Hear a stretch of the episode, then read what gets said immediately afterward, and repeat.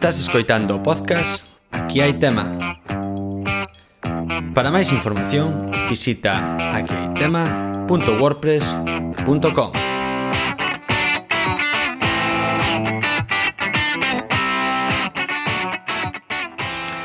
Ola, que tal? Ou se cadra hoxe debería dicir algo diferente como Tallahao ou quizáis un benvenuti ou un uh, welcome to the podcast, porque hoxe, queridos ointes, temos o segundo capítulo de podcast adicado a eh, os trucos que poden axudar para acelerar a aprendizaxe de linguas.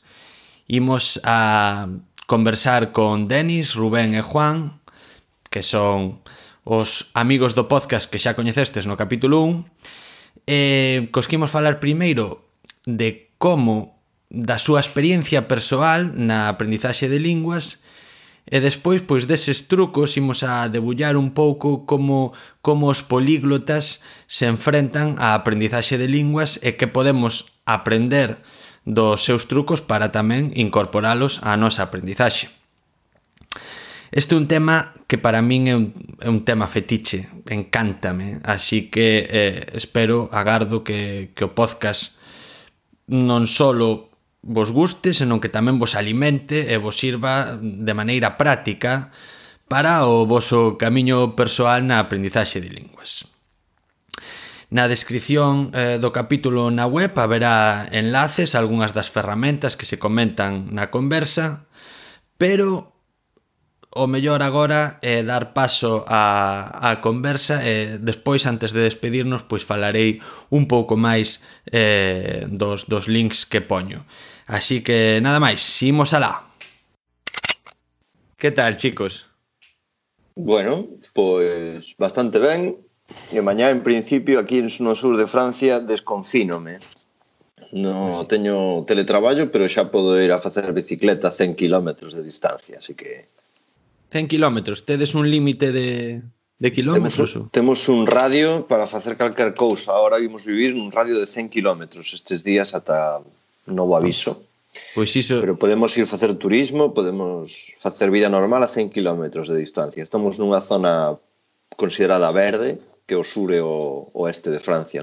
Os problemas están máis en París e no norte coas fronteiras belga e alemanas. Pero aquí, en principio, situación bastante controlada. Mais aínda en Arles, Bueno, pois alegrome moito, sobre todo de que de que podas facer iso porque o gallá, oxalá eu puidese tamén andar 100 km cara ao norte. Pero a mí solo me deixan andar 100 km cara ao sur, porque estamos aquí en sistema de provincias. Provincia, ok. Sí. Entón... Está ben para coñecer Vigo por unha vez na vida. Nunca terás unha mellor oportunidade. sí. Bueno, non sei, se ainda fora Nadal, pero, bueno. Eh, pues ben, pois...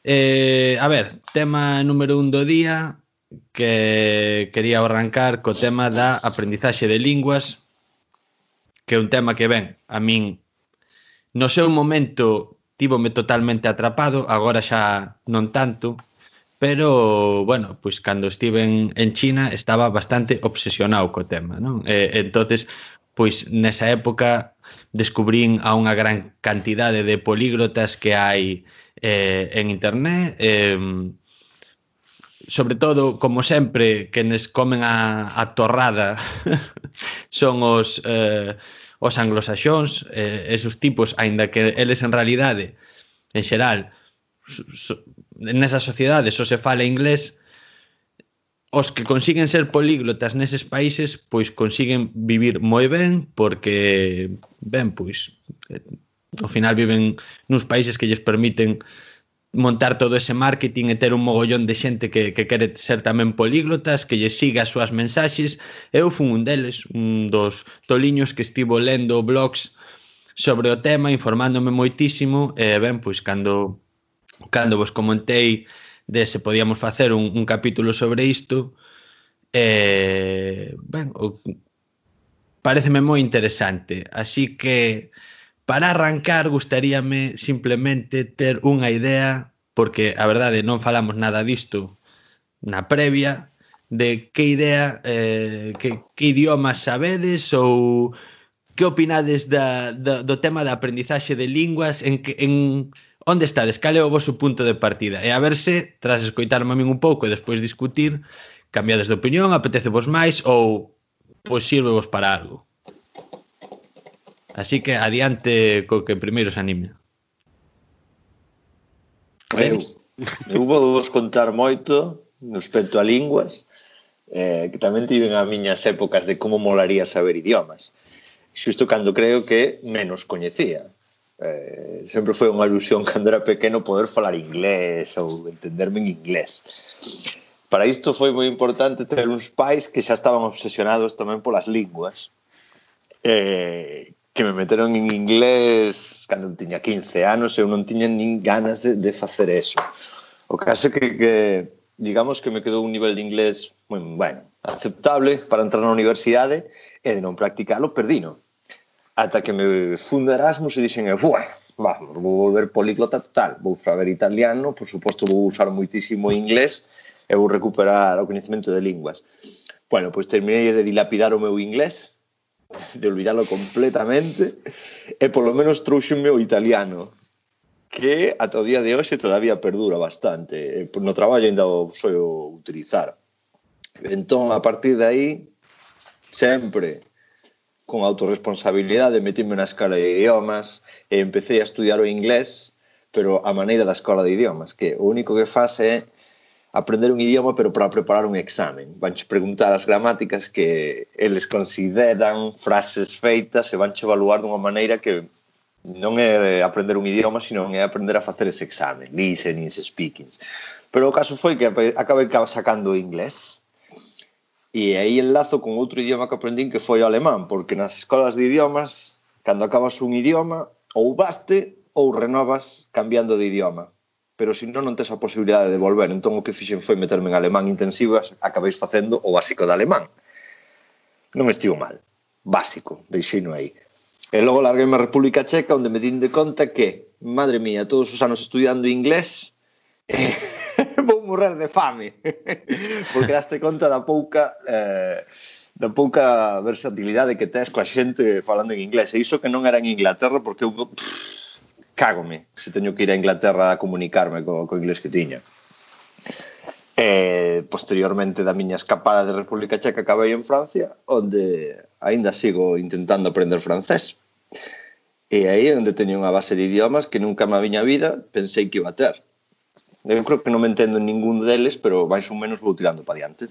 Así que todos ahora ben, o francés foi o único que xa dixen eu estou cansado de aprender linguas, o sea, vou aprender pola rúa e o que sea que, que me chegue á mente. Xa non me preocupo de tema gramatical nin nada. Ben. Dá para falar.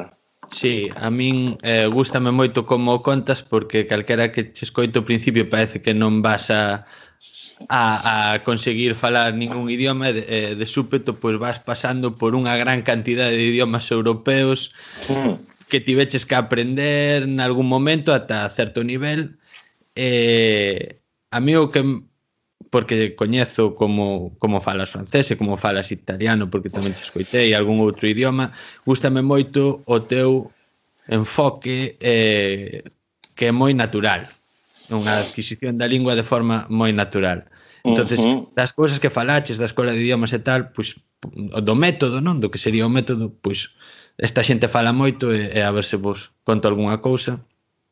Eh, por certo, na República Checa estudiaches checo?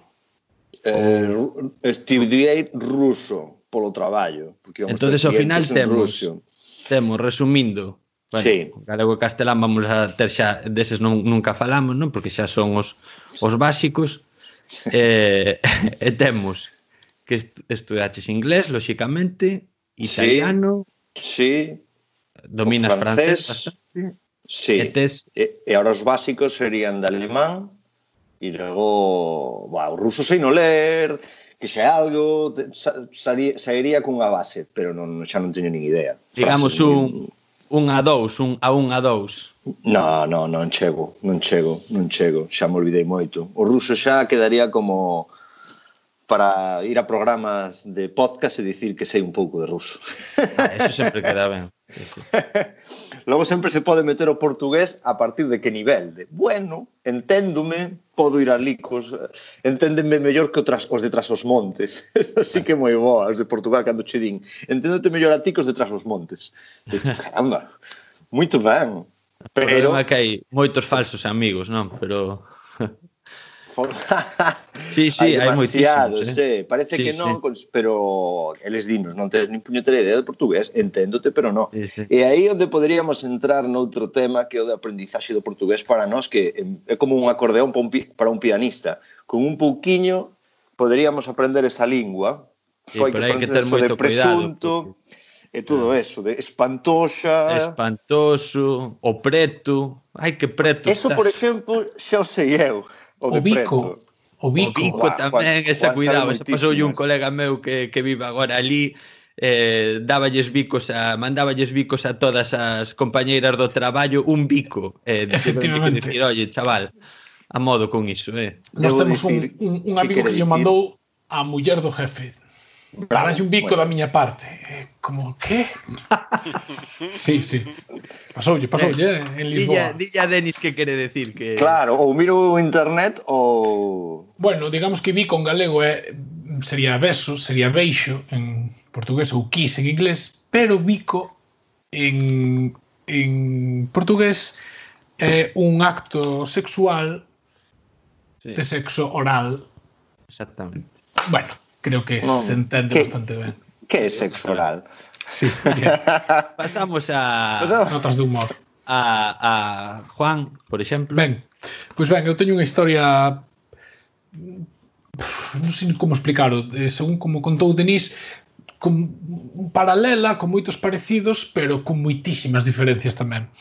Eu tiven profesor particular de inglés desde que na casa, desde que fun moi pequeno, tan pequeno que non recordo a miña primeira clase de inglés, o cal me supuxo unha ventaxa bastante bastante grande, aprendí moito inglés de pequeno, ata tal punto que eu nunca estudiei inglés para os exames da, do instituto, nin da selectividade, e nunca baixei do 9. Que envexa. Beatote. Sí, non é mérito meu, porque ao final foi unha cousa que me veu dada, non é... Sí, sí, sí E a verdade é que a día de hoxe sí que olvidei bastante, pero en canto vou a Inglaterra, a Londres, empezo a coller un pouco o oído, empezo a soltar e digo, ostras, é verdade, sabía moitísimo máis do que do que pensaba. Suelenme dicir que teño moi boa pronunciación, que se me entende moi ben, acompañado do que letilla para ser español, cal, bueno, deixame unha sensación un tanto agridulce. E despois tiven pequenos conatos de relación con, con outros idiomas. Co alemán, por exemplo, eh, cando eu veraneaba en Esteiro, Concello de Muros, uns dos meus amigos eran alemáns, porque seu pai era de Esteiro para emigrar a, a Bonn, a Alemania, facía un lote de anos. Entón, eles falaban galego, perfecto, e falaban alemán, perfecto. Curiosamente, castelán non tiñan nin papa, non tiñan nin idea. E entonces eu aprendín Pois o típico a contar hasta 10 en alemán e catro palabrotas, que o primeiro, sobre todo cando eres máis xoven, que aprendes. O primeiro que queres decir é como se din as palabrotas noutro idioma. Pois, bico, bico. Porque che fan, sí, máis ou menos, porque che fan gracia. Despois no, no instituto tiven un par de anos de francés, un idioma co que nunca me acabei de atopar cómodo, nunca acabei de collerlle o punto, costoume bastante. Ao final, eso, despois de dous anos, non non seguín con el. Na carreira en Segovia xunteime cun grupo de Erasmus que eran sardos, eran de Cerdeña, e en vez de aprender el castelán aprendín eu italiano, porque eran como seis ou sete, estaban eles xuntos, un grupo bastante endogámico, e non me preguntes moi ben por que acabei sendo eu un máis deles. Eles falaban italiano e eu acabei aprendendo un pouquiño de italiano. É ata un pouco de sardo. Sei tres, catro palabras en sardo que que eran, bueno, pois pues sí, relacionadas tamén co mundo das palabrotas, do alcohol. E e bueno, coñecí un poquinho a bandeira sarda, hai, hai un movimento nacionalista bastante forte. A bandeira sarda é a cruz de San Xorxe ou San Xurxo, San Jorge, non sei como se dirá, que é unha cruz vermella con catro caras de moros negras. A bandeira oficial está mirando cara á dereita, pero os nacionalistas danlle a volta de maneira que miran cara a Península Ibérica dándolle a espalda a Italia. É como moi simbólica. A, en vez de ter unha estrela vermella, como é no caso de Galicia, simplemente danlle a volta a, ás caras. Bautizáronme como sardo de, da amistade que cheguei a ter con eles, fixeronme unha especie de bautismo cun licor dali que se chama mirto, que digamos como se fora o seu licor café, no? é un, unha bebida que eles veneran moito, tiraronme por riba da cabeza e regaláronme unha bandeira que tiven colgada na miña habitación en Segovia durante moito tempo. Claro. Eh, miraba para a esquerda. Que miraba para a esquerda. Puxena, sí, porque eles eran nacionalistas eh, sardos e eu, bueno, pues, que era o que aprendín, e eh, puxen así. Eh, por último, tiven un dos meus proxectos fracasados desta cuarentena, que teño bastantes, foi poñerme a intentar aprender algún idioma novo a través de YouTube, no? a través de a ver se si conseguía algo. E deume por, polo xaponés. É dicir, empecé a, a 23 vídeos en total, vale? un, dunha chica español hispano-japonesa, supoño, que non me gustou nada. E despois atop, que era moi como moi youtuber, non? Moi moi ben grabadiño, na, moi estándar YouTube, pero o contenido non me chegou. E despois topei un vídeo grabado facía moito moito tempo por un en mala calidade incluso, con recursos audiovisuais pobres, pero cun rapaz que sabía transmitir moi ben, que explicaba moi ben as cousas e que era o típico caso de sudamericano con ascendencia xaponesa. O chaval creo que se chamaba Luis e mm. se, polos seus rasgos pois debía ser pois un tipo creo que é Chile onde hai moitos, non sei se en, en Brasil, Perú, Perú, Perú, perdón, perdón, Perú, Perú, en Perú, Perú, en Perú, correcto. El non sei onde era, pero bueno, debía ser. Entón sabía, debía ser eh, bilingüe. Eh, e hai dúas cousas que quero compartir con vos que teño aquí nesta libretiña pequena apuntadas que me chamaron a atención vindo dous vídeos evidentemente o xaponés é, é complexo. Unha delas foi a orde da, das vocales que moitas, bueno eu, é dicir cando aprendes un idioma eh, o, creo que as conexións a nivel neu, neuronal creas un, moitísimas máis conexións, etc, etc, e, e faiche ter un nivel cognitivo maior, etc, etc. Pero quero me trasladar a un nivel un pouco máis básico, non tan tan tan tan complicado. Eh, porque as vocais cambian de orden. Xaponés non é A, E, I, O, que podemos pensar mm, que é mm-hmm. algo universal de máis aberta, máis pechada. Aberta pechado, sí. Sí, en xaponés son A, I, U, E, O. que bueno, como dato a mí xa me di, xa, xa me saltou a chispa. Plan, algo pasa aquí. Claro, ostras.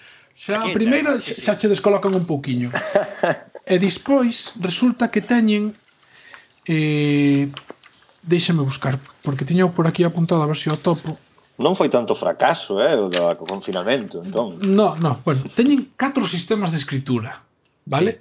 Que son hiragana, katakana, kanji e romaji vale?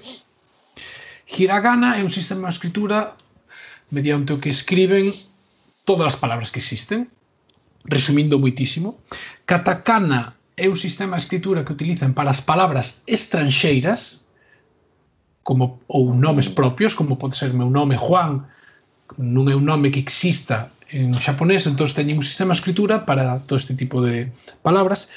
Teñen o eh, Romaji, que é a escritura xaponesa co alfabeto latino, que é cando escribes Gaku, o xogador do Deportivo, por exemplo, cunha G, A, K, U, Gaku, ese oh, tipo de oh. escritura é a Romaji, Romaji, porque non teñen R forte, creo. E despois a máis interesante de todas, que é o kanji, que é o que igual asociamos máis co cando pensamos na escritura xaponesa, que son os símbolos que representan significado e tal. O kanji vendo chinés e é un sistema de escritura moi complexo que forma que, que, que, que está formado creo que por 12.000 caracteres aproximadamente. Cada un deles co seu significado propio, non son fonemas, son son eh,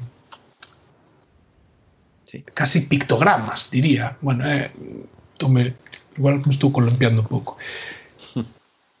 Os nenos de seis anos na, na educación primaria xaponesa teñen que salir de aí aprendendo 1006 eh, 1006 letras, vamos a chamar, ou, ou, ou tal. Entón, caracteres, correcto, non me salía. E dai ata os 12.000 é, digamos que, un proceso continuo, porque xa non é aprender o significado do propio símbolo.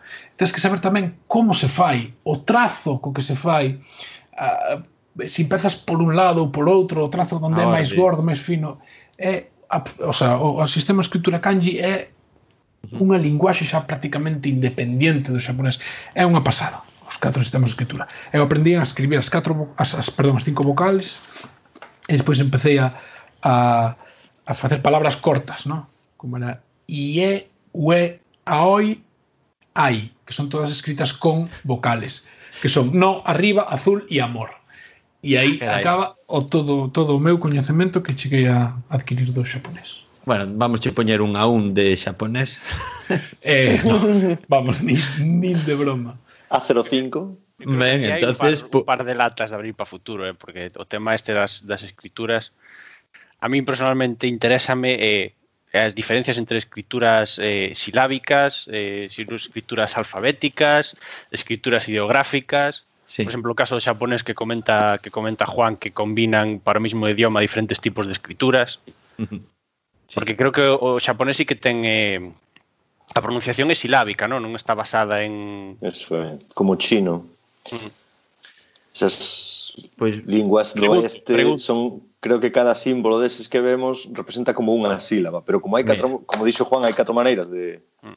Creo que en kanji no, eh? Creo que en kanji non é silábico. Algún deles non, algún deles non, no, polo que dixeches. Cada símbolo representa unha idea, é un, é un... Tería que informarme máis, a verdad, porque estou en nivel, vamos, mm, menos 5 ahora mismo. Cuarentena.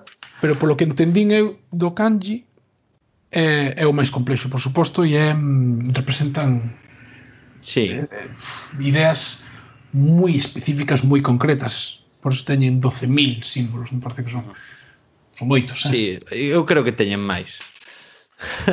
pois pues, igual teñen máis, non sei. Sí, sí. Como coñecedor do, do chinés, Miguel. Claro. No, agora vou vos contar entonces eh, eu algo de, das, das linguas orientais xa que estamos. Claro que sí. Se queres incluso antes de pasar a Rubén, pero bueno, por resumir, eh, entón, con Juan temos inglés, que vexo que vai a ser un idioma común, eh, por fortuna, para os que sempre os malos agoreros deste país, pois mira, a xente vai sabendo inglés. Eh, un pouco unhas palabras de alemán, unhas palabras de xaponés, Ben, ben, ben, ben. Hai certa... E italiano, recordo italiano. É, eh, o italiano que, e o que, sardo. De verdad, pois, certo, o italiano sí, de Juan... Ademais, agora ahora está máis oxidado, pero no seu sí. momento foi increíblemente fluido, eh?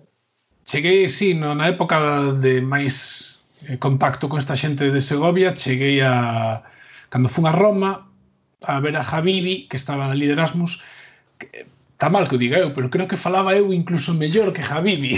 Home, Que non é dicir moito, eh? tamén tamén hai que hai que hai que valorar que o nivel Pasou de a mí época... tamén visitando a uns amigos en Sicilia, oito meses que levaban ali e eh, tiven que sair eu nunha do coche a pedir gasolina nunha estación de servicio tamén. Eles nada. Far Pero benzina. Bueno. Exacto. Pois, eh, bueno, pois está moi ben. Sobre Cerdeña, ademais, esta historia eh, contaron máis recentemente todo isto da bandeira, parece oh. moi interesante. Eh, sí, é, eh, é un dato... E o queixo das moscas, sabedes algo? Ahora falando de tamén, Cerdeña. Tamén me contaron diso. Eh... É que a miña moza fixo Erasmus en, en Cerdeña.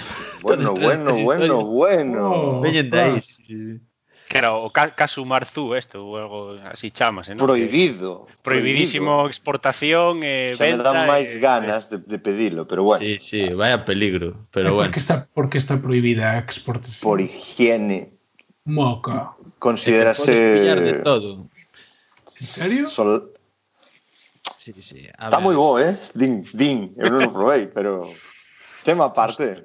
Igual tema é un, parte. claro, non, non temos toda a información, pero polo que eu sei, a, claro, a higiene é, a, o sea, ao final pola forma en que se fai pois o coronavirus, por exemplo, pois ou vendo dun morcego ou pode che vir tamén dun, dunha cousa desta. Pero ben, non, non o sei con, tampouco con seguridade.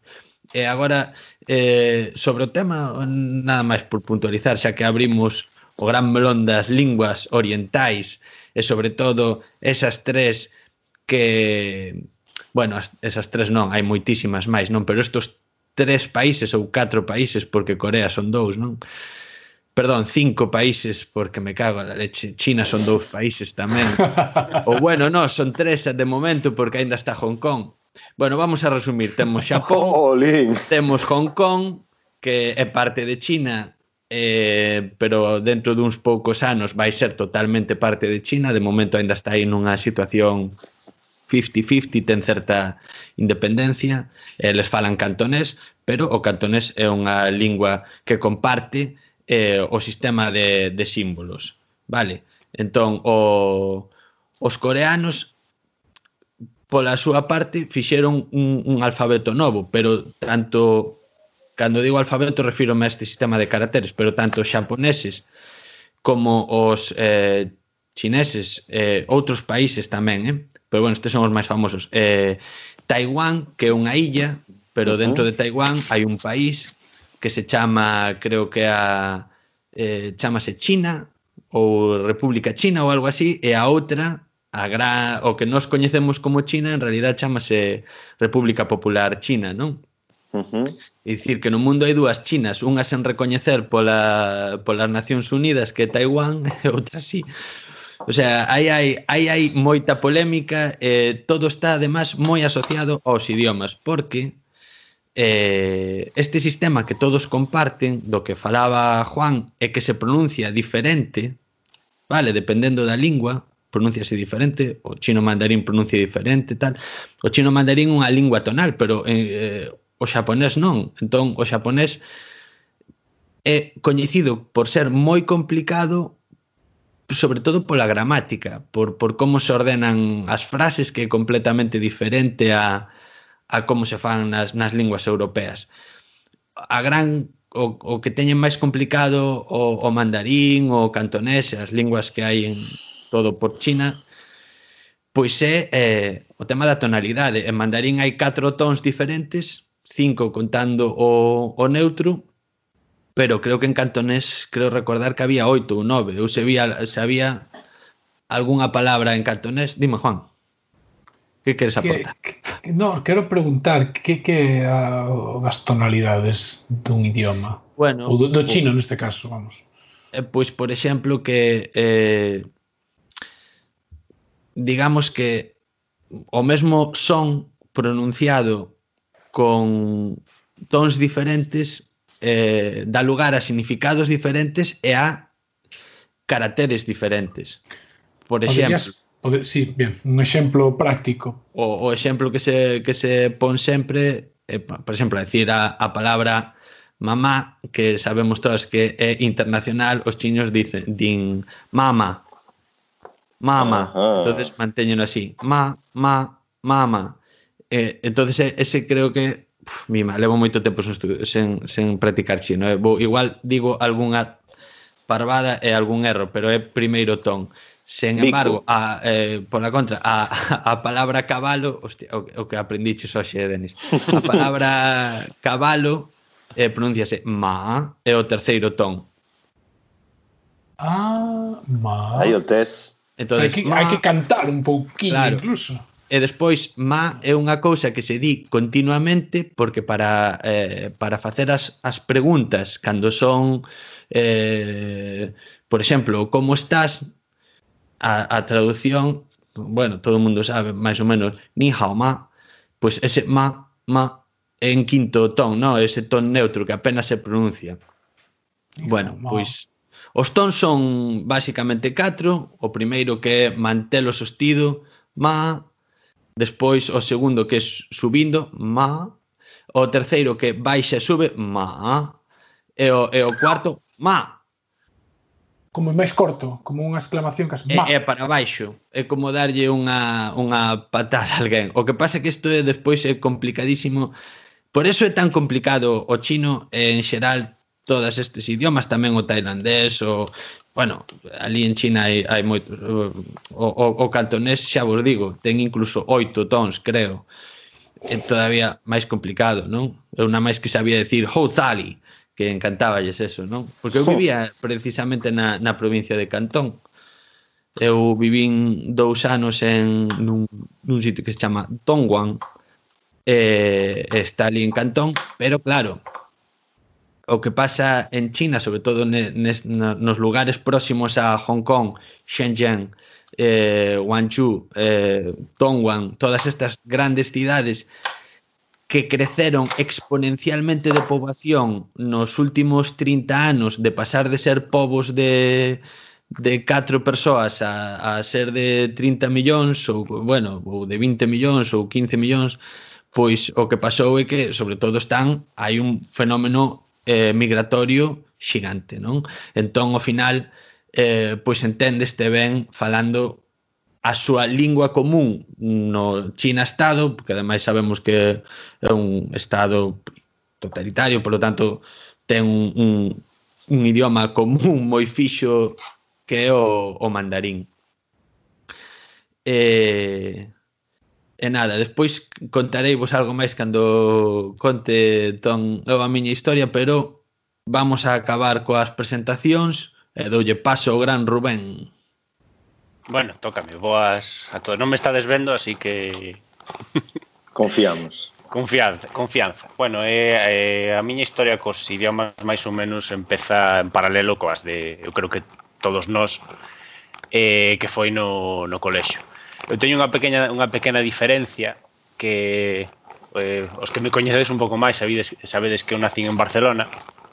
Entón, eh, o meu, a miña educación preescolar eh, empezou no famoso sistema de inversión con catalán e castelán.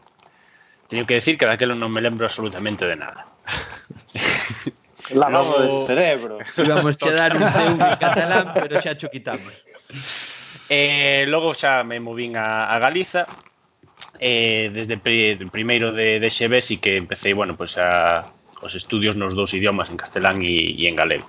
E tamén empezando co, pois, co inglés inglés típico que está no instituto, no colexo, e como decía Juan, inglés e francés, as dúas, as dúas cousas. De, debo decir que o francés, se non lembro mal, eh, non sei se tivemos dous anos, e é sorprendente a cantidade de francés que se entende ahora pois vendo na televisión programas eh, subtitulados eh, é, é sorprendente a transparencia que hai entre o, entre o francés e o, e o castelán. Sí que é verdad que sin, sin subtítulos e escoitando eh, é, é complicado, pero a axuda da, da escrita eh, é, é importante. Eh, finalizando os estudios primarios, eh, secundarios, típicos, eh, atopaste co tema de, bueno, ahora tens que buscar a vida, Entón, o que che din en todos os lados é tes que aprender inglés, porque sin inglés non vas a ningún lado. Entón, utilizas o, o aprendizaxe de inglés como unha ferramenta na vida. É eh, unha cousa que, entre comillas, eh, necesitas. Eh, apuntaste a Escola de Idiomas, Cambridge, eh, cuestión que teñas a man, e sacaste o teu titulito de, de inglés nivel usuario, e entón por motivos laborales eh, pois agora mesmo é un idioma que máis uso no, no traballo porque máis ou menos eh, todos os días as miñas relacións cos compañeiros de traballo de diferentes partes do mundo son en inglés. Entón é o digamos que fora de galego castelán é o idioma que máis domino.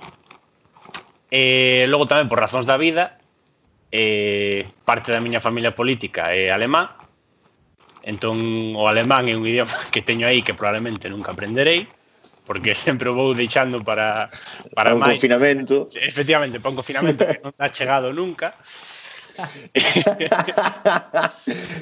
e tamén tiñen os meus eh, escarceos co, co ruso. Tamén foi aí pois un ano ou dous, un destes días que estás aburrido na casa, e dis, me gustaría aprender un idioma novo. Pero dándolle voltas e dis, mmm, pero alemán dame pereza. Eh, idiomas europeos en xeral tampouco me chamou moita atención. O que me fixo así un pouco de tic foi teño que intentar aprender un idioma cun alfabeto diferente. Porque parecíame moi, moi interesante o de eh, entrenar o cerebro para ser capaz de ler eh, símbolos o que non estás acostumbrado. Uh -huh.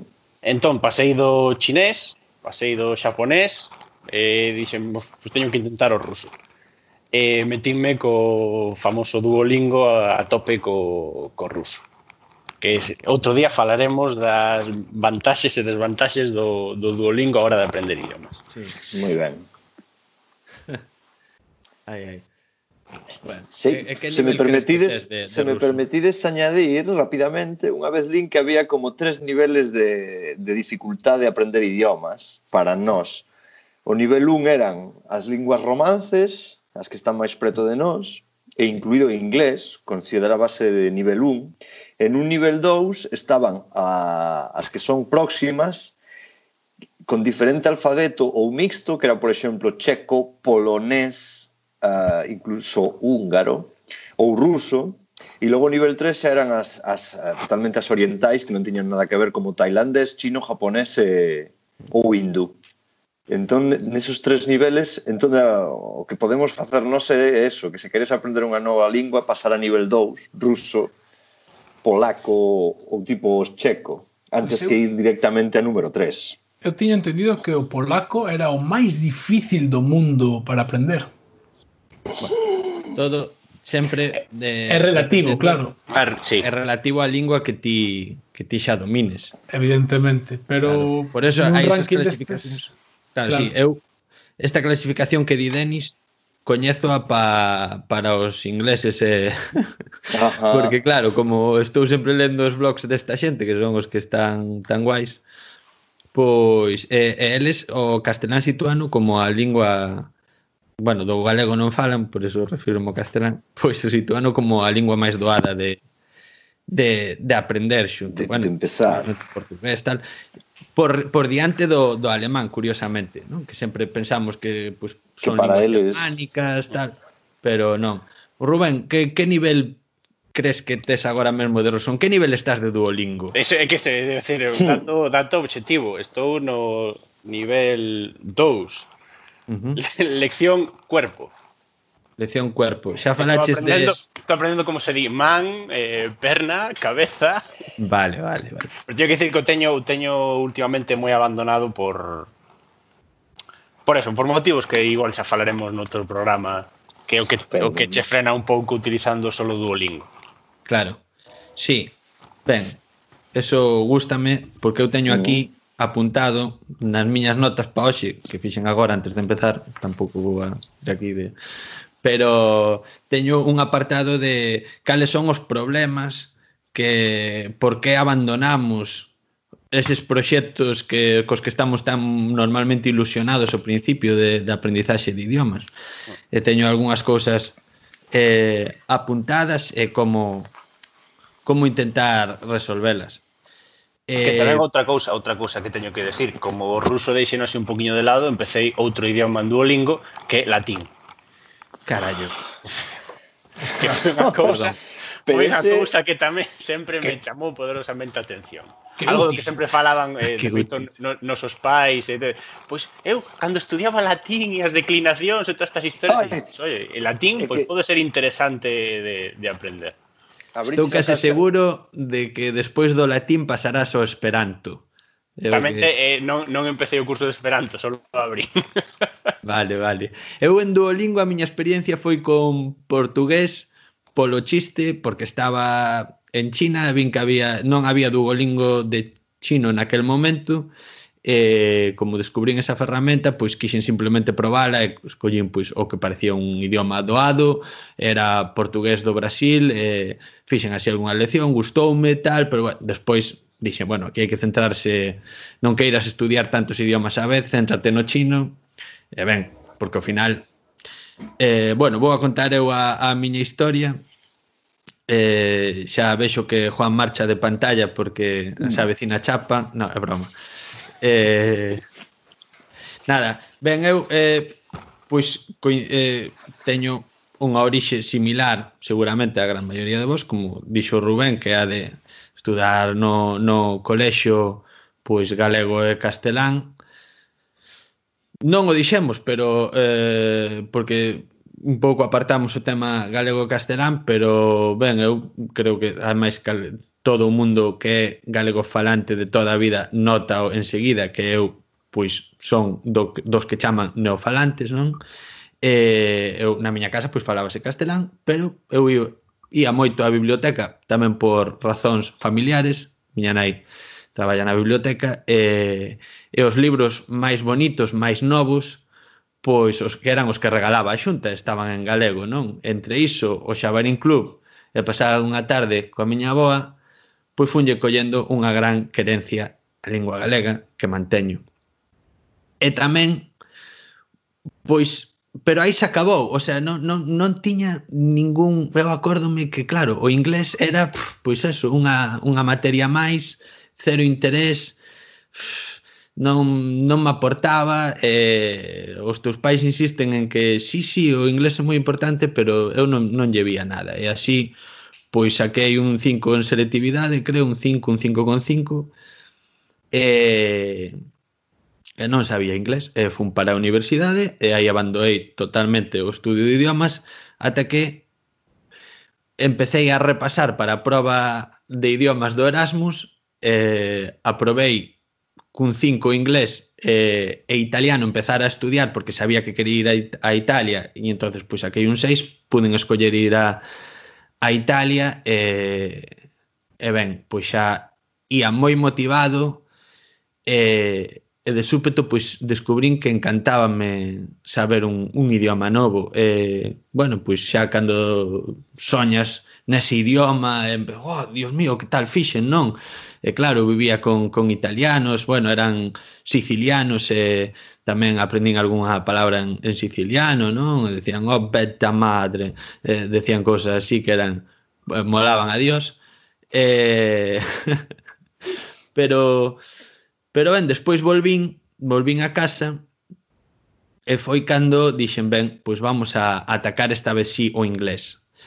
E empecé a ler por internet e dime conta de que unha das claves era estar motivado, outra das claves, e creo que é un dos puntos máis importantes a hora de, de aprender un idioma, é que dentro das catro habilidades lingüísticas que existen, que é a de falar, escribir, escoitar e, que, e, eh, e ler a que quizáis na miña opinión e na opinión da, de, despois vin corroborada por algúns expertos o tema de escoitar é o máis importante sobre todo ao principio é o que máis fácil é mm, metelo durante o sea, tes, tes que intentar convertir que a túa vida trasladar a túa vida a ese país cando ti non podes estar nese país, non? Porque claro, disto non falamos, pero non é o mesmo aprender un idioma estando no país no que se fala que estando na casa, non?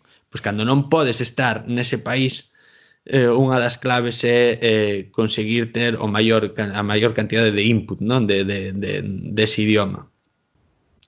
Ben, eh, pois collín de, obsesioneime así un pouco polo inglés porque o meu nivel era tan baixo que metíme nunha academia, eh, metíme en setembro, eh, eh, caeume ben tamén ali un chaval que había, eh, empezamos a, non, eh, competías tamén un pouco de tal, non sei que, facíamos así exercicios de examen, tal, ben, eh, pois hai o PET, non? Que era o B1 de inglés. Bueno, pois veña, pois xa nos apuntamos en, en decembro. E, e despois en xuño xa fun o B2, o first. entonces como que iba moi motivado. Despois de toda esa época, xa puxeme a estudiar para o C1 para seguir mellorando, pero o a motivación baixou. Xa non estaba tan motivado. Tamén por esa época xurdiu a oportunidade de, bueno, acabei tendo tamén un certificado de italiano porque dixen isto antes de que se me olvide, vamos a certificalo. Tamén teño por aí un, un B2 da Universidade de Siena. E, e despois xa pois surdiu a oportunidade esta de, de ir a China, onde estive en dous anos, ali traballando, e puxeme a estudiar chino. Empecé estudando chino con método 8 Bell, que é un método que creou un fulano de Ribeira, que fixose moi famoso, saiu en El Hormiguero, e todas estas historias. Sí, sí, con Pablo Motos falando chino incluso. E ben, Que pasa? Que unha vez que cheguei a China dime conta que aquelo non chegaba e que ademais limitaba moito porque estaba só baseado en falar, non? E ao final para abrazar realmente un idioma tes que saber as catro as catro habilidades. Entón puxenme a, estu a estudar pola miña conta. O que pasa que o chino supoñía tal reto que foi cando empecé a obsesionarme cos blogs sobre eh, dos políglotas e de como afrontar un idioma desde cero, non? E foi eh, pois un pouco aquí onde onde tiven que frear en seco, non era como os outros idiomas que eran como porco inglés, aínda que eu tiña un baixo nivel, pois ao final sí que estudaras algo e, bueno, é un idioma cercano, sempre está un pouco rodeándote, o italiano ten a esa cercanía, pero o chino era completamente diferente, entón, pois, pero que como se estudia un idioma realmente de cero, que cal é o método, non? Entón, un pouco o que o que vos podo contar non é un gran, unha gran historia de, de éxito como eu chino, pero sí unha gran historia, un, un gran éxito en, en ler sobre como aprender linguas, non? E intentei no aplicar tamén o chino. Eh, ben, para comezar, isto si xa sobre isto xa en xeral fora da miña historia sobre a aprendizaxe de, de linguas parece aí como que hai catro chanzos fundamentais que son eh, primeiro ter a estar motivado que che interesa a lingua E o problema é que isto acaba, isto ten, dura un tempo finito. Entón, para conseguir manter isto no tempo hai que ser paciente e ademais hai que desfrutar estudiando. Esta é a clave de todo. Hai que desfrutar.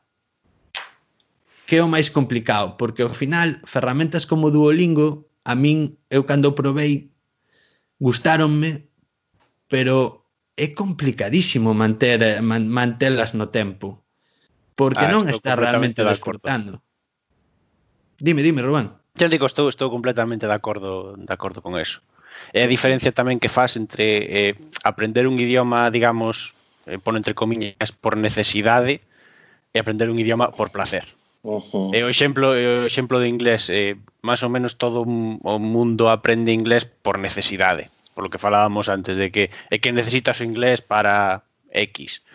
Pero logo tamén tes a motivación de poder aprender outro idioma pois ou porque te interesa ou porque é algo que non é que necesites, pero que sí que crees que pode mellorar a túa vida por algo ou por ter un novo coñecemento ou por un desarrollo personal ou o que sexa.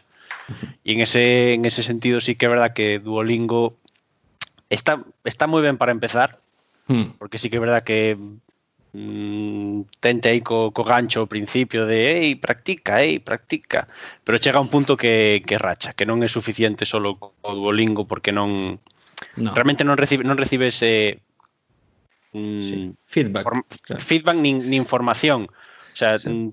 eh, está baseado en esto está ben ou está mal, pero non sabes por que está ben ou por que está mal. Non, non recibes explicacións de como funciona o idioma.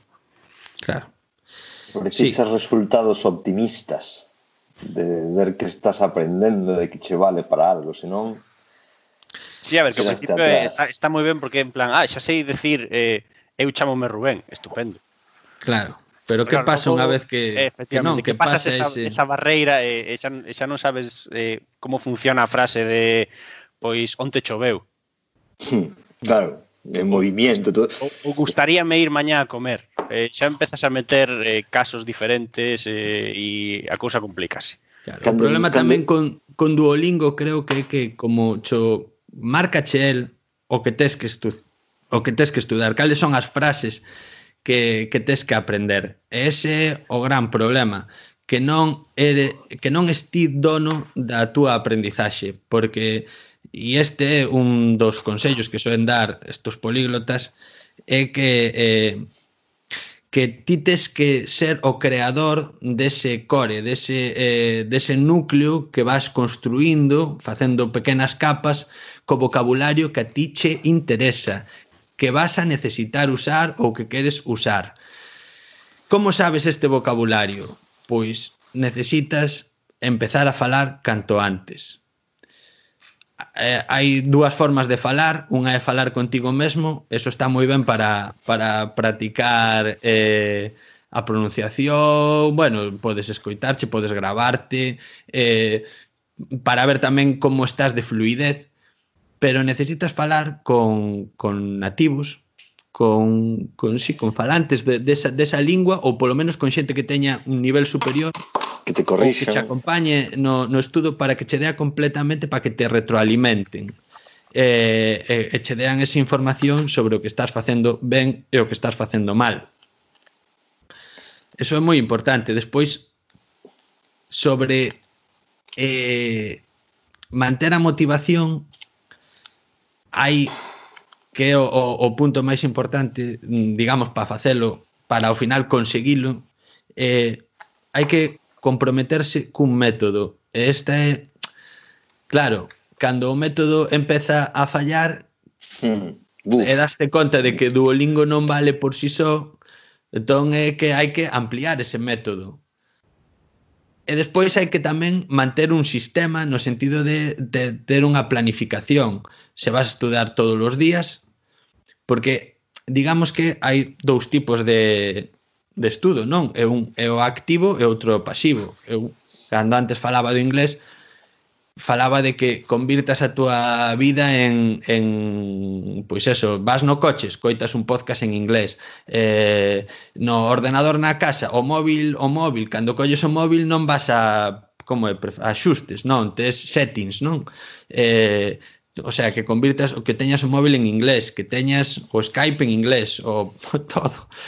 Eh, Meu pero pai ten foi... cousas en portugués. Cada un cada un claro. fai como quere, mm, pero cada un fai o seu. O navegador do coche en portugués, vire a dereita. Eh, claro, pero eso pero... queiras que non, entrache por aquí eh, é repetitivo e eh, xa está. Ah, o único eu... problema foi cando tiñamos unha impresora con wifi en portugués que eu non a soupen configurar. Pero... Claro. E se a tes en árabe creo que imprimo ao revés. pero mira, no, pero vou che dicir unha cousa, é importantísimo iso que fai teu pai, é unha das mellores estrategias convertir, facer que todo sexa nesa lingua obxectivo. Eu eh, creo que hai que facer un estudo activo diario, pero tamén hai que facer un estudo pasivo pasivo, que eh, vital. convertir a túa vida nese outro idioma. E aí é onde pois, moita da xente pois falla porque anímase a ir a facer o activo indo á academia e iso non vale porque cando es ti o que quere aprender o idioma non podes esperar que o da academia decida o que tes que aprender. Tes ti que tomar as rendas do estudo e, e facer o teu propio sí. método e a academia que sexa máis ben un coaching ou alguén que che apoie, que che, que che explique onde están as túas dúbidas, etc. etc. Pero basicamente aprender unha lingua é comprometerse cun método e obter e, e, e facer erros falando para ter feedback erros escribindo e ter un profesor que che corrixa, ter esa retroalimentación. Home, eu aí non sei a vosa, a vosa experiencia, pero eu eh, os dous grandes saltos que notei, digamos, co inglés que a, a, a lingua estranxeira que, digamos, máis, máis se utiliza, ou máis utilizo eu, foi o primeiro gran salto foi empezar a, o que di Miguel a mm, consumir en inglés, ou seja, ver películas en inglés, eh, ler libros en inglés, E o segundo gran salto foi empezar a a falar, eh, digamos, na realidade, non a falar porque estás nunha clase e che din fala. Non, sí. a falar con alguén que mm. te, que te atobas pola calle ou alguén no, no chollo que che fai unha pregunta e para mí eses foron os dous gran saltos. Sí, sí, completamente de acordo. E que ademais cambia o rexistro cambia tanto, mm. eh, o sea, enfrontarte a, a realidade cambia tanto e eh, Sí. Sobre todo enfrontarte, enfrontarte o, o falar. O sí, sí, no caso de, decir, de falar, eu pensando unha cousa e teño que mm, soltala pola miña boca e o que ti estás pensando e o que sai pola boca non é o mesmo. É claro. sufrir, darte sí, conta estás, de que ostras, estou na merda. Frases, claro, estás construindo as túas frases como aprendiches no, no colexo ou na academia, coa súa gramática, a súa, a súa historia, pero logo falalo completamente diferente, é máis rápido, é máis máis sí, improvisado. Sí, sí, sí, sí, sí, sí. Es que ter outro set, outro set mental diferente. Sí, sí, sí, sí, sí. E ah, aprendes ah. cousas novas continuamente. Eu acórdome eh, en, en China falando cun inglés que vivía ali no meu barrio e quedábamos a veces tal, eh, eh, decíame, claro, meeting up, e, ostras, meet up, o sea, era un novo frase al ver que na vida, na miña vida escoitara o iso, non? Bueno, pois, pues, ostras, vas apuntando. E esas son as cousas que despois mellor recordas e evocas, non? Porque eh, Ben, por certo, así como, sí. bueno, non, non, non vou a contar esta anécdota. Eh, queda... no, be, por, iba, iba vos a contar que eu... Eh, Publicidade. Pois sí, unha, unha vez quedei eh, cunha chica en China que era en plan eu e díxome, vale, quedamos, pero porque claro, falábamos por, por un chat só se ti sabes falar chino porque eu, isto estamos co traductor agora mesmo e eu dixenlle, eu sei falar chino. Mira, foi debimos estar como 15 ou 30 minutos xuntos, despois xa nos despedimos e tal, non foi eso, pois vímonos, hola, que tal, era a primeira vez que nos víamos e tal. Cando, cando ela marchou, eu tiña tal dor de cabeza, nunca me enfrontara a, a, a iso na miña vida. Foi como 30 minutos de, de a cabeza ao máximo, intentar sair por aquí por alá co meu chino intentando entender, pero xa fei, xa fei, o sea, fixeno bastante ben. Eh, eh, de, dese día, ese día aprendí moito máis chino que, que escoitando calquera outra historia, non? Ao final, enfrontarte e, eh, poder fallar é, é, é a, a gran fonte de aprendizaxe. Sí, fallar e intentar resolver a túa forma, non E ser un pouco claro. máis máis libre, si, sí. E se fallas, fallaches, non pasa nada. De feito, non, falamos Non poder mirar a solución. Falamos castelán e galego e non sempre falamos castelán e galego perfecto. E non pasa nada, entendémonos. Exactamente, sí, sí. Hai que expoñerse oh, a... a ir a mm. saltar. Sí, saltar, efectivamente. Pero como botas de menos poder tomarte algo ou ter unha cita nun idioma no que te desenvolvas e cando estás no estranxeiro diste, meu Deus, que sair a traballar, eh? É un traballo paralelo. O necesitas descansar o cerebro e diste, non podo tomarme algo con alguén de cháchara, é increíble. Exactamente. Entón acabas por, por favor, que non co inglés, bueno, foi o primeiro en desenvolver, pero en chino ou en francés. Anda que non tiven eu tempo para tomarme unhas cervezas con alguén. E incluso cando fago ainda en francés, digo, non ten que ver nada unha conversación en francés con Castelán claro, tomando unhas cervezas. Mira, entón, dicir, medio traballo.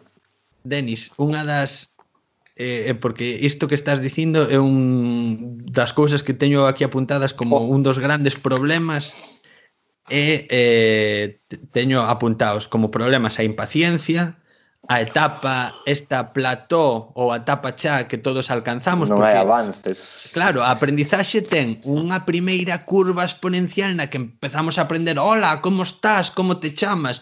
E, e de súpeto alcanzas enseguida un, unha época na que non notas avances na que non fas conversacións interesantes coa xente e, e entonces chega esa vergoña e ese sentimento de que somos moitísimo menos interesantes falando nesta lingua e que eh, eh, de, de súpeto estás con dous tipos que son ingleses e eles empezan a falar entre eles e fan catro chistes e ti sentes que tes moitísima máis gracia que eles porque a tes, joder, e porque, e porque realmente se eu soubera decirche aí ibas a flipar coa miña retranca porque non ten nin idea, ti pensas que é humor inglés, vas flipar agora e quedas e daste conta de que non sabes meter exactamente emplazar o chiste como como tiñas pensado, como eh, eso é un gran problema. Isto xa é problema de Babel. Problema de Babel, eh. Isto xa ven de eh, é sabido onde fai moito o, da, o problema das linguas e da comunicación, é o que hai. Pero aparte, eso é psicológico dunha persoa e destrózate. Pois, tes que sair a, ou aprender máis, é un punto de inflexión bastante grande, é certo? O que pasa claro. que, bueno, no meu caso co francés non hai volta atrás. Eh, estás aquí, eh, tes que ir hacia máis. Pero se o estás estudiando como afición, veste abaixo moi rápido. Hai que ter unha forza de voluntade enorme. E moi pouco. Claro, porque, porque, porque ao final É o que dicía Miguel do, do, do, das curvas de aprendizaxe ao principio todo che fa ilusión, todo é bonito todo é aprender, é curioso é, é, disfrútalo moitísimo pero cando se empeza a complicar un pouco a cousa xa te empezas a plantear bueno, isto si final eu co japonés, por exemplo, que non cheguei nin, nin a ese punto siquiera. Eh, pero de chegar, eh, seguro que retomo. Ata que chega a ese punto e eh, eh, o deixo porque ao final o japonés eu non o preciso para absolutamente xa. nada é unha curiosidade como, como calquera outra. Uh -huh. e sei perfectamente coñézome porque me pasa con moitísimas cousas xa non só cos idiomas, senón calquera cousa.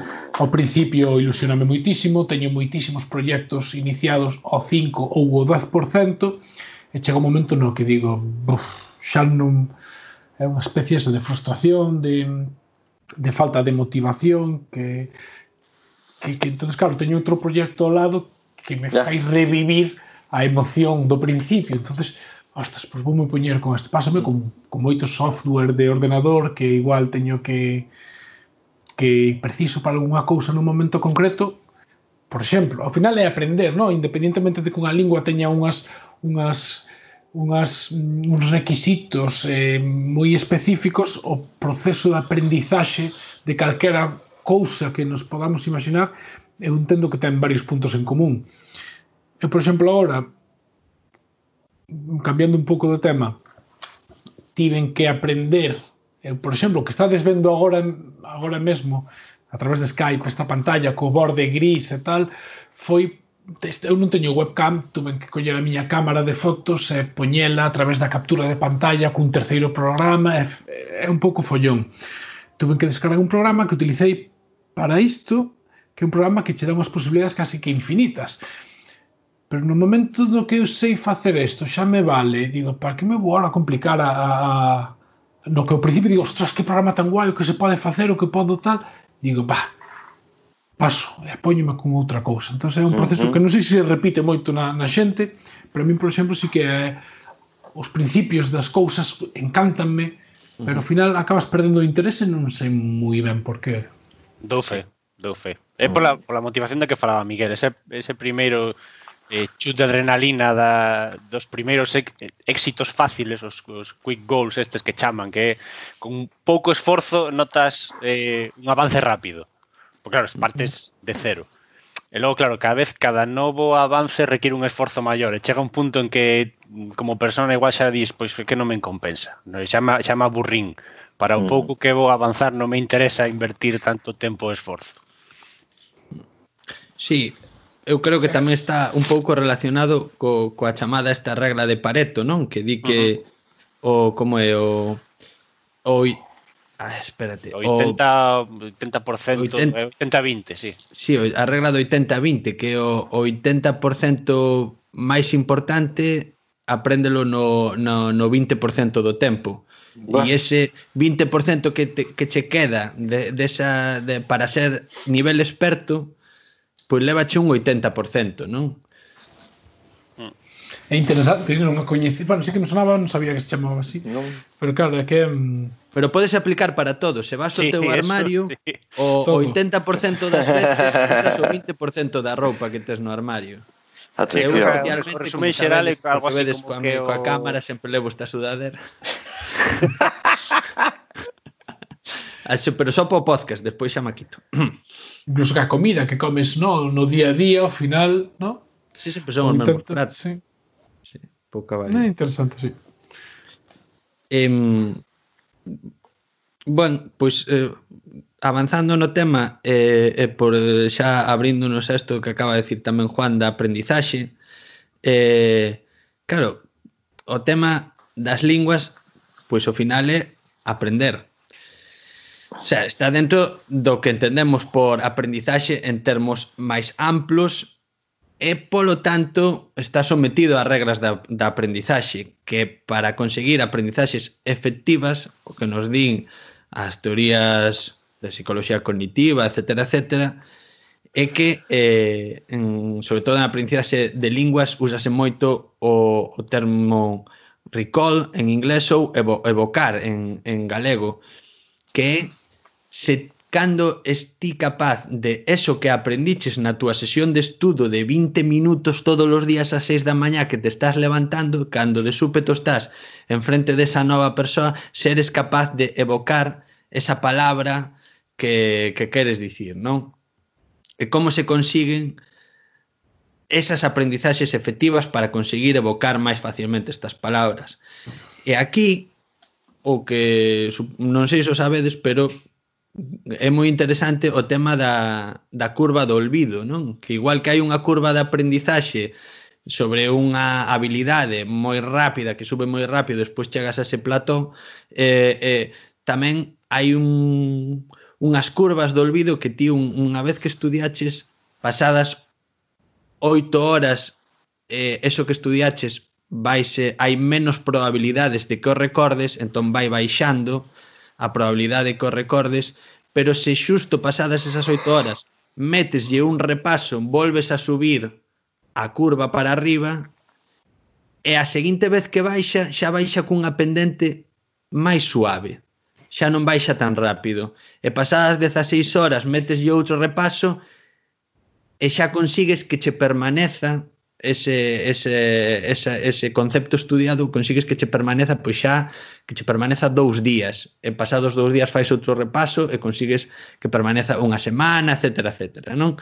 Eh, cada vez espacialo máis, non? Que De feito, existen aplicacións como Anki, que é a máis popular, porque ademais é gratuita, que é de, na que ti podes preparar as túas propias flashcards ou podes descargalas, hai un mogollón na web, que isto é todo relacionado co sistema de repetición espaciado, SRS nas siglas en inglés, que utilizan a gran maioría dos políglotas. Eles estudan eh, o vocabulario novo que queren aprender, fan as flaskers, e todos os días, un par de veces ao día, fan un repaso de flaskers con estes programas eh, ti, por exemplo, tes a flashcard que che di, pois como se di eh, pois bicicleta E entonces, pois, pensas e dis bicycle, non? Porque en inglés e das a ver, ves que está ben, e, e como está ben, puntúas de que fixéchela ben, e xa non che vai a volver a preguntar sobre esa palabra ata pasadas dúas semanas ou o que toque, non?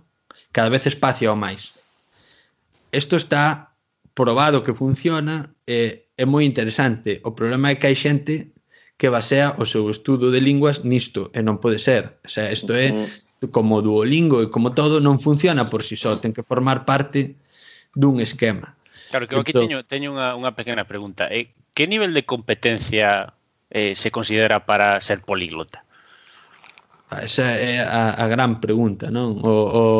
Xa non digo a cantidade de idiomas, sino a, a competencia Ajá. en cada un deles, porque eu podo saber moito vocabulario dun idioma, pero non ser capaz de expresarme ou saber dúas, tres frases claro. perfectamente memorizadas. Eh, cal é a, a competencia que se necesita en cada idioma? Mm. Basicamente... Hai consenso ou é unha cousa que máis ou menos... Non hai moito consenso, no. porque hai, claro, as páxinas web máis, máis famosas pois chamanse Fluent in Three Months, no? o sea, que vas a ser eh, vas a conseguir ser fluido en tres meses. Eso é moi complicado. Eh, basicamente que ti esteas cómodo, creo, na lingua mantendo unha conversación sen ser algo moi técnico. Esa é para min a, a definición de ter certo dominio da lingua e sobre todo alcanzar un nivel que digamos que sería o B2 eh, no, no, claro. no, no historia este da marco común das linguas europeas eh, sería o B2 que é un nivel o suficientemente alto que che permita non estar repasando continuamente ese idioma sen olvidalo. Para min esa é a clave. Ostras, claro. Ten sentido. Porque esa, esa é a gran, o gran complicado que teñen os políglotas que moitas veces eles eh, cando escriben no, nos blogs e tal daste conta de que empezan a temer que están olvidando algunha das linguas porque poñen só a, a aprender outra lingua nova eh, eh, eh, se deixan de practicar unha anterior, todo o que non se practica se olvida. Que pasa? Que se ti conseguiches chegar a un nivel B2-C1, non tiras tanto para atrás, tiras para atrás, porque sempre estás algo oxidado cando levas tempo sen falar unha lingua. Pero recuperas fácil, máis ou menos. Exactamente. Paso un minco italiano que cando teño un par de conversacións o cerebro empeza a recordar. Pero é curioso tamén, e iso non sabemos como funcionan os cerebros por dentro, que o italiano e o francés están no mesmo sitio, e a veces mesturo, eh, a veces hai que darlle un, un empuxón para que, ei, como facer así, entón xa se adapta un pouco máis o cerebro, pero é completamente, aí estou, noto meu que estou fora de de, de mandar, por así decirlo, en plan, e o cerebro cando lle apeteza ir, vai ir. Entón non é todo tan cuadrado como estamos facendo agora. Divertido, supoño, divertido. Eso é como tiro aire completamente, pero igual está relacionado co como que tipo de habilidade aprendeches ti ese idioma. Porque e non é o mesmo igual enfocalo desde un punto de vista como unha cousa completamente nova a como é unha adaptación de algo que eu xa sei. A que te refires? A, a se, ve, se ves desde outro idioma? Ou... Claro, que, por exemplo, que di Denis de que, mm, que pensa que o italiano e o francés que están no mesmo sitio do cerebro. Sí. E igual se aprendese chinés estaría en outro diferente. Sí, sí porque... Por o tipo, de habilidade que é, o sea, non é como... Pois é parecido, mm, non sei, é eh, xogar a fútbol a fútbol sala, pero completamente diferente Ajá. nadar. Ajá. Sí, sí, sí, porque é que o alemán e o inglés pasábamos o mesmo de confundilos un pouco cando aprendín o alemán. Pero e... vouche dicir unha cousa, Denis, a min pas, pásame con todos, eh? Todos están no mesmo sitio para ti? Non, hai, a ver, hai cousas moito máis complicadas. Eu despois na non o contei, pero cando volvindo Erasmus tamén estudei un par de anos francés na Centro de Linguas Modernas da Universidade de Santiago. Ajá. Eh, claro, o, equivocábame continuamente co italiano, son tan próximos que eh, equivocábame continuamente pero pero o inglés e o chinés non son tan próximos eh, eh. E, e eu despois como pero non te, non te, o sea, o complicado de separar idiomas é que cando estás estudando un, cambiar para outro ou inmediatamente Uf, era... seguinte sí, esa sí, transición é moi complicada e despois se por riba eh, acábalos mesturando E moitas veces cando estás estudando un idioma mesturas durante o propio estudo, non? Porque, bueno, o inglés unha das grandes cousas que ten é que está cheo de, de unha das grandes cousas que che, que che ofrece é que se ti sabes inglés despois podes intentar estudar calquer idioma desde o inglés porque está cheo internet de ferramentas gratuitas e maravillosas. Correcto. Claro, para o chinés é boísimo saber inglés para a poder acercarte a, a podcast, etcétera, etcétera. Eso pode ser que ao final ten a contra do que estabas falando ti, Denis, de que eu moitas veces despois pois estábamos falando en inglés e eu para decir, en vez de yes, decía sempre tuei, que, que correcto en, en chino. Entón a mí falaban en inglés e, e, e eu era tuei, tuei, tuei, tuei, tuei.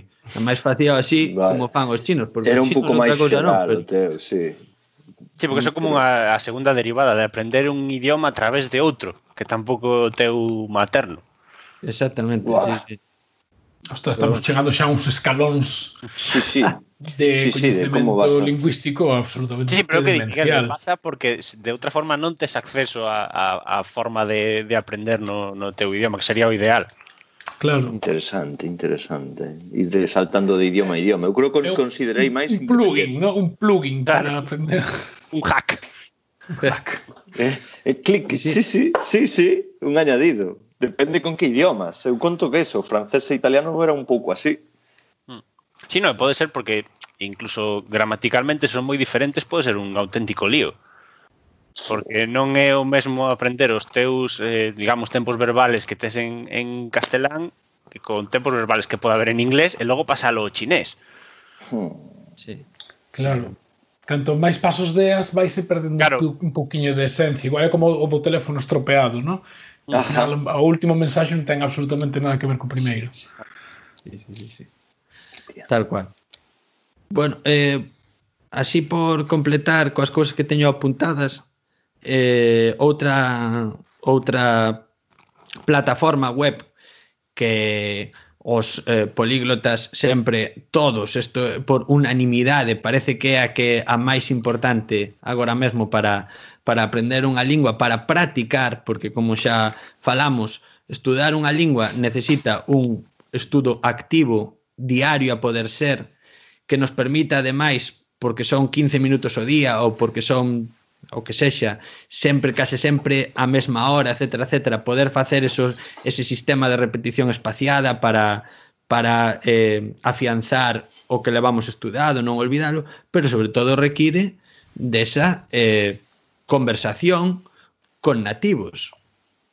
Claro. Co profesor, pero o profesor sempre nos axuda porque o profesor moitas veces coñece o noso idioma, entón fai que entende e non tal, pero enfrentarse a nativos, entón onde poder eh, atopar esos profesores, eses eses nativos cando non estás nese país. Bueno, pois a plataforma estrella e máis coñecida é Italki ou Italki que eh, usa moitísima xente en a que, ademais de atopar profesor e pagar por un profesor ou pagar pola figura dun tutor, un tutor é unha un, un fulano de que domina esa lingua que non ten o rango de profesor e polo tanto non se puido eh, sí. certificar como profesor na pero que quere facer un poquiño de carto No, entonces Sí, sí, eh, aquí hai tema, aquí hai tema. Exactamente. Entonces con el consigues un precio moito máis económico e eh, está pois moi por escoitarte, etcétera, etcétera, e, e botache algunha axuda, porque escoitan a moita xente e saben, e pregúntache como estás estudiando, etcétera, etcétera. Eu falei con Escoítame, algún tutor, eh. e falei con algún profesor, e nada máis deixame acabar. Sí, sí, e, sí, sí. A terceira opción é que directamente ti podes buscar amigos. Eu outro día eh, entrei un momento nesa na web porque levaba moito tempo sen entrar, levaba moitísimo tempo e por culpa de entrar, claro, puxoseme en verde o simbolillo de que estaba conectado e, e o día seguinte xa tiña unha mensaxe dun, dun chino preguntándome se, se podíamos practicar xuntos, que el quería practicar español e se eu quería practicar chino. Funciona ben, eu, eu fixen colegas a través desa aplicación e mantiven conversacións o problema coas conversacións cos tándens, cos con esta xente, con xente que quer aprender a túa lingua, é deixar as normas desas conversacións ben claras desde o principio. Levarse relativamente ben con esa persoa, porque podes atoparte a, a alguén que en realidad non tes nada en común e, e un pouco perder o tempo, e, e en xeral ser proactivo e estar contento coa idea de facelo Que pasa nestas conversacións? A miña experiencia. Algúnas foron productivas, outras non tanto. Eh, tanto eu deixei de falar con xente como houve xente que deixou de falar comigo. Uh eh, -huh. E non hai que ter moito medo a ese rexeitamento e, e ah, tal. Ah, sí, sí. Ahora bueno. que fagas desto, entón, estamos falando xa de pagar por aprender, que é unha motivación extra bastante boa. Sí, eso, eso es verdad. Eh, eh, de verdad, eh, eh, eh considero incluso dentro do meu punto de vista liberal, digo eu, sí, sí, sí, adiante, pagar por isto. Logo podemos falar un pouco da xente que se dedica a isto a, a, a sacar pelas de onde sea, como os especuladores da Airbnb, pero no sentido de linguas. Pero vexo ben, porque se non temos oportunidades, ti sabes do traballo. Dixeches un nome que eu creo que utilicei unha vez, que isto que a xente me, me escribía para practicar inglés e pareceme un pouco, deme un pouco de preguiza. Pero eu, por exemplo, recibí información de outras aplicacións onde se poden dar clases de calquer cousa, entre elas de idiomas. Entón, atopaste xente que fala o seu idioma, nunca din unha, pero estaría moi interesado en, en ir a, a facer eso eh, co, co idioma portugués. Pareceríame que sería o máis, o máis útil. Pagando, creo que está entre 10 euros, 15 euros a hora, E outra aplicación que non vou dicir, pero basase no mesmo que dixeches ti, Miguel. Sí, a de Italki. Eh, vamos a dar paso aquí a, a, a Rubén para que nos conte que opina e xa imos pechando o tema de, de idiomas, vale? Eh, eh, supoño que tamén deixaremos por hoxe porque xa levamos unha hora e 17 minutos. Unha eh, Rubén ten que marchar Non sei se Rubén aínda pode, aínda estás conectado, si. Sí, sí, aínda, aínda estou, aínda estou, aínda estou. Pois veña, vamos a facer isto despois corto, xusto que acabo de meter aquí de cuñita para eh veña, mételle. Pecha, pagar por esperanto. Compensa? Eh, a ver, eh, eh é eh, como todo. Eh, o que está gratis está moi ben, pero ten un problema, que que é gratis. Eh, coas súas vantaxes e as súas desvantaxes, vale? Eh, gratis eh, todo o mundo pode acceder, eh, máis ou menos eh, sempre acabas tendo que a, a primeira parte, a parte que falábamos antes, a da motivación rápida e eh, a da curva, é o que accedes gratis. Logo, cando queres un pouco máis, eh, polo menos na miña experiencia, para todos os ámbitos de, de aprendizaxe hai que acabar pagando. Porque cando o que requires é xa interacción eh, a interacción de calidade normalmente non é non, non é gratis. Mm. O cal tampouco quita que todo polo que pagues eh, mereza a pena ou sexa ou sexa, mm. sexa bo. Porque sí. tamén eh, falando do tema dos profesores nativos que ahora non, ahora non sei, pero por lo menos nos 90 primeiros 2000 estaba super de moda o de con profesores nativos eh, que unha persoa se, unha persona sexa nativa non significa que sexa capaz de ensinar un idioma. No. Simplemente o significa acento que vai no ter. Claro, vai no, eh, eso, ter, eso. Eh, vai no falar estupendamente, pero eh, pode chegar a ese punto de que ti non entendas algo de, oi, por que isto dis así? E que esa persoa é, é nativa e di, pois non sei, pero é así. Que eso a ti como, Home. como falante igual non, non te axuda. ¿Por qué se utiliza por y para en castellano? Eh, eh, calla niño, fuera de clase. Claro, efectivamente. sí, bueno, non sei, pero a min a min soname mal da outra forma. Es así, es así. A ver, eu creo Son que cousas eh, eh.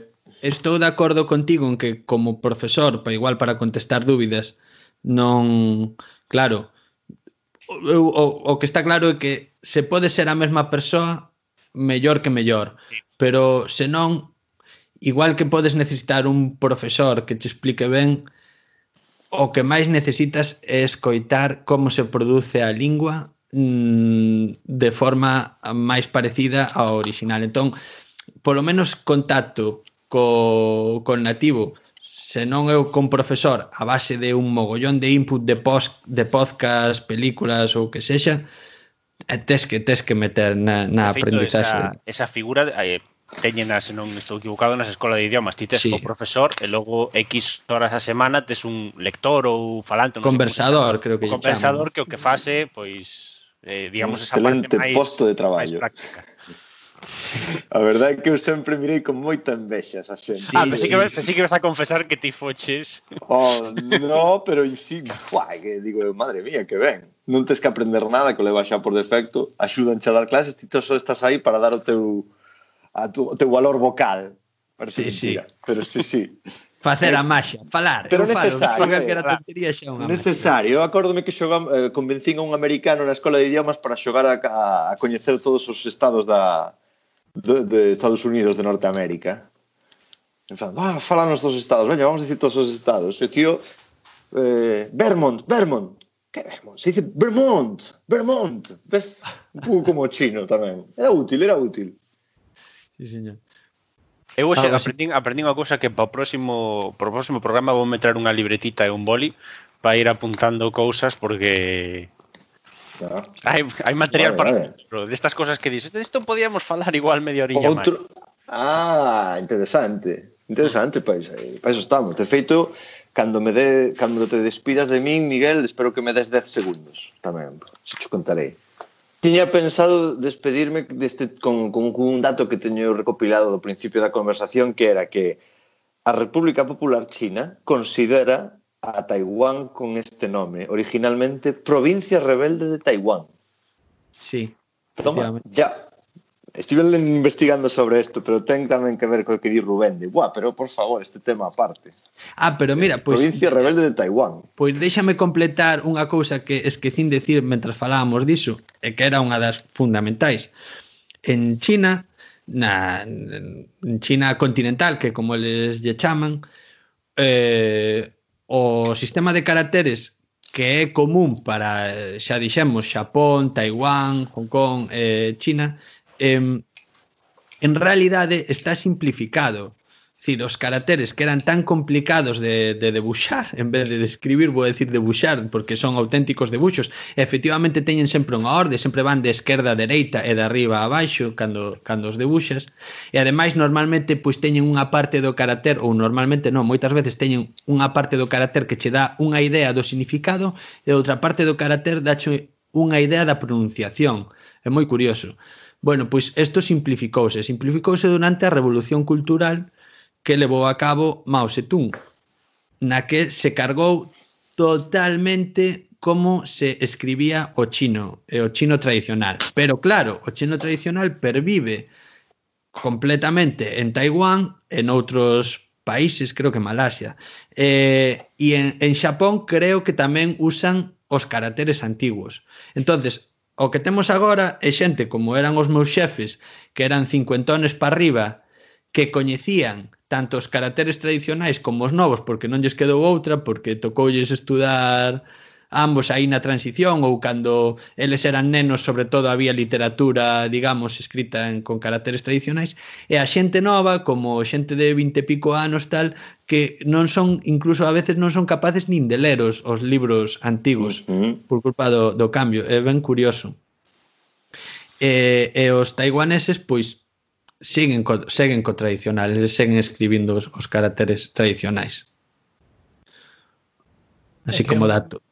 É moi difícil, é, é, un, é unha pasada dos caracteres, é algo estuve practicando moi, teño que a libreta con todas as vocales, xa só as vocales. Sí. É que... eu, mira, aí ves, eu tiña unha aplicación que por esa paguei é moi a gusto, como se chamaba? Eh, e tiña ata, ata comprei un iPad solo para iso. Eh, sí, sí, bueno, un iPad mini estaba de oferta. Pero na aplicación ti vas debuxando, eh, o sea, é un sistema de repetición espaciado, isto que acabamos de falar do Anki, pero para escribir caracteres, para ler caracteres, etcétera, etcétera. E con iso aprendi, aprendín un mogollón, porque despois eu chateaba moito en chino e vas aprendendo, Ostras, sabes? Que, é que, claro, e aprendes un mogollón, porque escribir en chino no móvil é che ben curioso, porque ti podes utilizar o teclado QWERTY, o normal, para escribir como soaría, e entonces vanche saindo unha lista de caracteres que como soaría en pinyin, que é o equivalente ao que Juan antes contaba a, a o que serían as letras latinas reproducindo os sons. O romaji. O romaji. Claro, e despois, e despois ti escolles o carácter en concreto e entonces escollías ese carácter e tal, ¿no? E despois outra forma que teñen eles é directamente en que é espectacular cando os ves eh, collen o móvil e empezan a toda velocidade a mover wow. o dedo eh, e están escribindo os caracteres e van según van facendo os trazos vaille saindo que opción pode ser e xa eles a escollen, ¿no? É moi interesante. E claro, cando tes tan, tanto, tantos tantos caracteres, que, porque aquí temos o abecedario e con eso formamos todo. Pero tentas can... no, no, no, o sea, necesitarías un teclado dunhas claro. dimensións absolutamente descomunais para poder poñer todos os símbolos que existen. 12.000 12 eh, teclas, ¿no? Para... É que, Dios mío, ou, ou as faz moi pequenas prácticamente intocable, necesitas eso. Claro. Cando a tecnoloxía ahora sí, xa é a tecnoloxía para facelo, pero antes así estaban todos facendo todo a man, Bueno, que é unha, é un arte Sí, é precioso. Per, per se, xa, no, sí. Claro, porque se o pensas na, na informática é relativamente fácil, pero antes da informática estiveron as máquinas de escribir. Como se apañaban coas máquinas de escribir? Exactamente. Boa pregunta. Boa pregunta. Tiña que ser, sí, pues, non sei, como os primeiros ordenadores, estes, a primeira calculadora que ocupaba unha habitación inteira, algo así sería, non sei. Sí. Non sei como farían. Terían escribas directamente. Mm, sí, o igual, igual directamente non se utilizaban, era algo que non debía utilidade ninguna. Claro, non, supoño que os xornais terían un, imprentas nas que terían pois os diferentes caracteres e, e compoñerían a partir de, de textos escritos a man. Non, non creo que lles levasen a, en máquina de escribir como vemos eh, na peli de Superman, no a, los, a Lois Lane es, equivocándose continuamente. Mm naquela película antigua. Esa referencia non a, non a traballo. non no, a traballas, tía. No, Esa queda, no, queda, queda de deberes para, para, para consulta. Ver Superman 2, ¿no? Sí, sí. O... Superman, sí. Carai. Eh, íbamos a decir algo máis xusto desto. Mm. Ah, sí, mira, fixarvos que en, que en, en chino en concreto, no mandarín, mm, non funciona claro o sistema europeo este de no o, non se mide por A1, A2, hai unha especie de equivalencia co que les usan, eles teñen o HSK 1, 2, 3, 4, eh, eh, consiste no número de caracteres que ti es capaz de aprender, basicamente.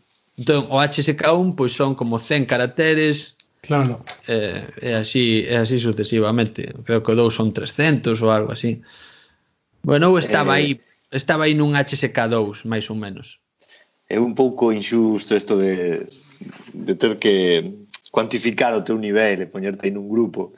E isto recórdame que cando estiven en Italia fixeronos unha prova para as clases de idiomas que íbamos a ter de italiano, pois basicamente todos os españois acabamos no grupo 4 porque en comparación a un chinés ou unha persoa que non claro. se supera nada de italiano, máis ou menos cun pouco que fixeras chegabas ao grupo 4. Había outras persoas que chegaron a grupos máis avanzados, pero normal era estar no cuarto, estábamos cos andaluces, os asturianos, había franceses, había algún chino que sabía, pero houve un chaval de Murcia que era amigo noso que, se quedou no 3.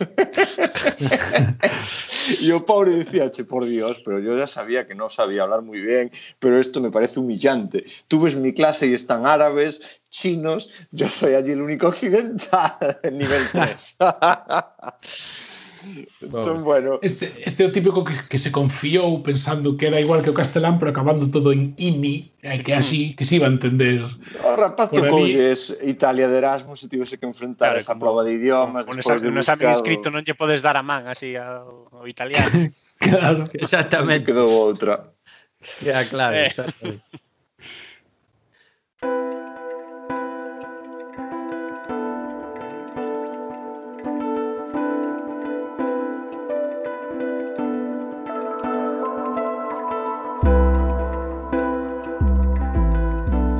Ben, pois ata aquí a nosa conversa de hoxe sobre a aprendizaxe de linguas.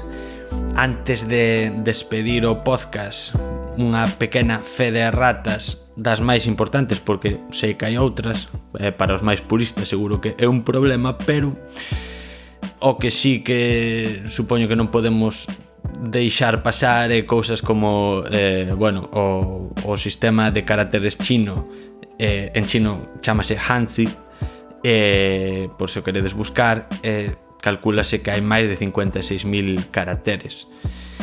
Eh, ben, ademais sobre o chino tamén os niveis de HSK non é un 2, 3, 4 é un 2, 3, 4, 5, 6 hai dous máis por se quedou esa, esa equivocación. Eh, as palabras pois creo que no, no HSK1 creo que dixen no, na conversación que, so, que eran 100 palabras en realidad son 150 estímase. 300 no seguinte, 600 no seguinte, eu de feito creo que estaba nese nivel no HSK3 cando cando bueno, ao final da miña da miña estancia en China. Por outra parte, na descripción do capítulo tedes eh, algunha das mm, páxinas ou ferramentas web que se comentaron eh, as máis importantes Anki para o sistema de repetición espaciado eh, Italki para ter as conversacións cos nativos e profesores, unha ferramenta para achegarse a eses países desde, desde a túa propia casa E despois no referente máis específico chino, como se nomeou a, a ferramenta de Skritter pois tamén tamén colgo un enlace que, que Skritter ademais é unha ferramenta que non só vale para o chino, senón tamén para, para o, chap, o xaponés. Vaya momento pachacho que me quedou aí. Bueno, deixar sen editar Do chaponés. Eh, Ben, para finalizar tamén colgo un interesante artigo sobre o queixo sardo que é ben curioso. E creo que nada máis. Se tedes algún comentario por favor poñedeo no, na caixa de comentarios da, da web.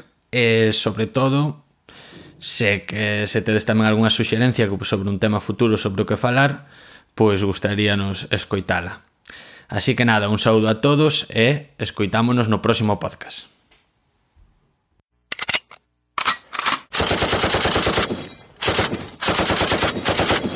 Grazas por escoitar o podcast Aquí hai tema. Se te apetece, podes deixar un comentario en aquihaitema.wordpress.com. Ata logo!